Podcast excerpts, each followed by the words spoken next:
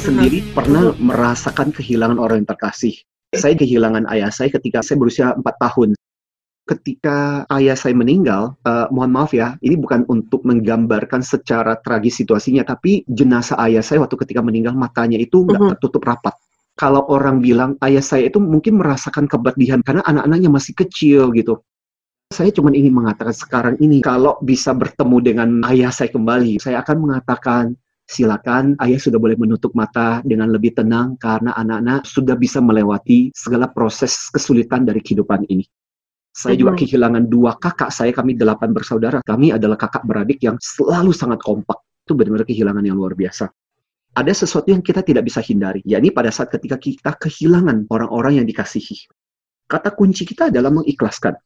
Saya jadi ingat di TV itu pernah ada satu serial Ghost Whisper, bisikan para hantu. Tapi ini bukan film horor seperti yang kita bayangkan. Ini bercerita tentang indigo, orang yang bisa melihat orang-orang yang sudah meninggal.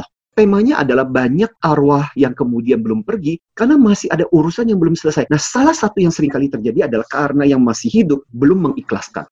Bahkan kalau kita ambil dari dunia psikologi, ada satu penyakit namanya PGD, Prolonged Grief Disorder. Prolong itu lama banget. Grief itu duka, disorder, kelainan. Jadi kelainan, abnormalitas, problem, masalah dalam bentuk rasa berduka yang berkepanjangan. Bahkan ada yang sampai lari ke obat-obatan, alkohol, sampai mau Iya, bunuh betul. diri. Kalau kita lihat dari tinjauan psikologinya itu sendiri, sebenarnya ada beberapa alasan. Pertama, karena ada satu ikatan cinta yang tadinya terjalin, tiba-tiba putus. Wajar di awal-awal, satu dua bulan akan terasa yang luar biasa. Tapi kalau sampai bertahun-tahun, something wrong. Berarti kita nggak let go. Nah yang kedua, bisa juga karena ada satu kebiasaan yang hilang. Misalnya, sering kali melakukan sesuatu bersama-sama. Misalnya contoh juga, biasa ditelepon setiap malam sama ibunya. Pasti akan ada perasaan kehilangan itu. Nah, bisa juga karena unfinished business. Urusannya nggak selesai. Misalnya, ya ayah ya, ya bunda ya, nanti kita akan ke sana bareng-bareng. Tapi Mm-mm. belum terrealisasi, kemudian almarhum, almarhumah meninggal.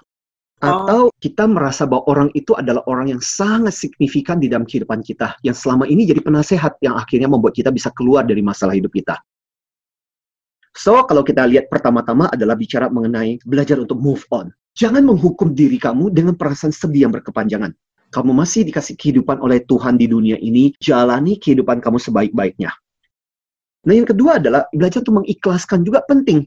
Katakanlah kita merasa kita masih punya salah pada yang bersangkutan, yang bisa kita lakukan adalah dengan tulus kemudian meminta maaf. Kalau perlu, kalau memang ada kesempatan pada saat ketika kita nyekar gitu. Intinya gini, kalau kita yakin bahwa saudara-saudara kita adalah saudara yang baik, saya yakinlah tidak ada yang tidak mau memaafkan Mm. kesalahan kita.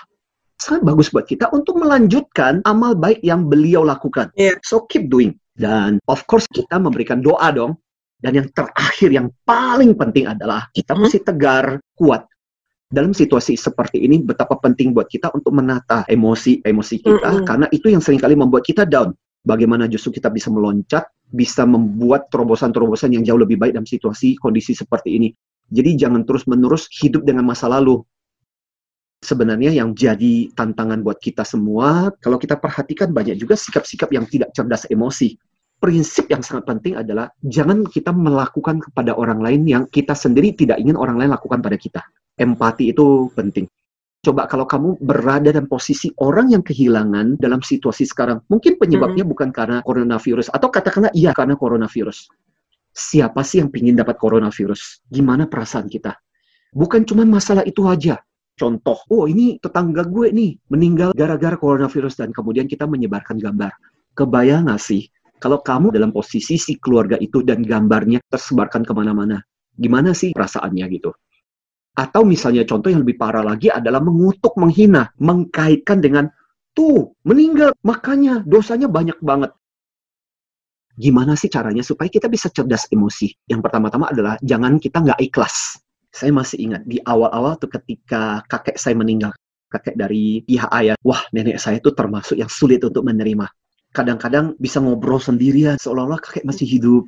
Nah, ini satu gambaran sulit untuk melepaskan. Saya pikir ini bukan sesuatu yang diinginkan oleh si almarhum atau almarhumah kepada kita. Yang kedua adalah jangan sampai kita menghukum diri kita sendiri. ada yang merasa bahwa coba saya bisa melakukan sesuatu. Kejadian itu terjadi karena kesalahan kita. No, kita tidak pernah tahu. Kemudian ketiga itu adalah jangan mengkaitkan dengan dosa. Tuh kan kenapa dipanggil Tuhan? Ya habis dosanya banyak sih. Jangan berusaha untuk menjadi play God, mencoba menjadi Tuhan dan kemudian menyalahkan orang.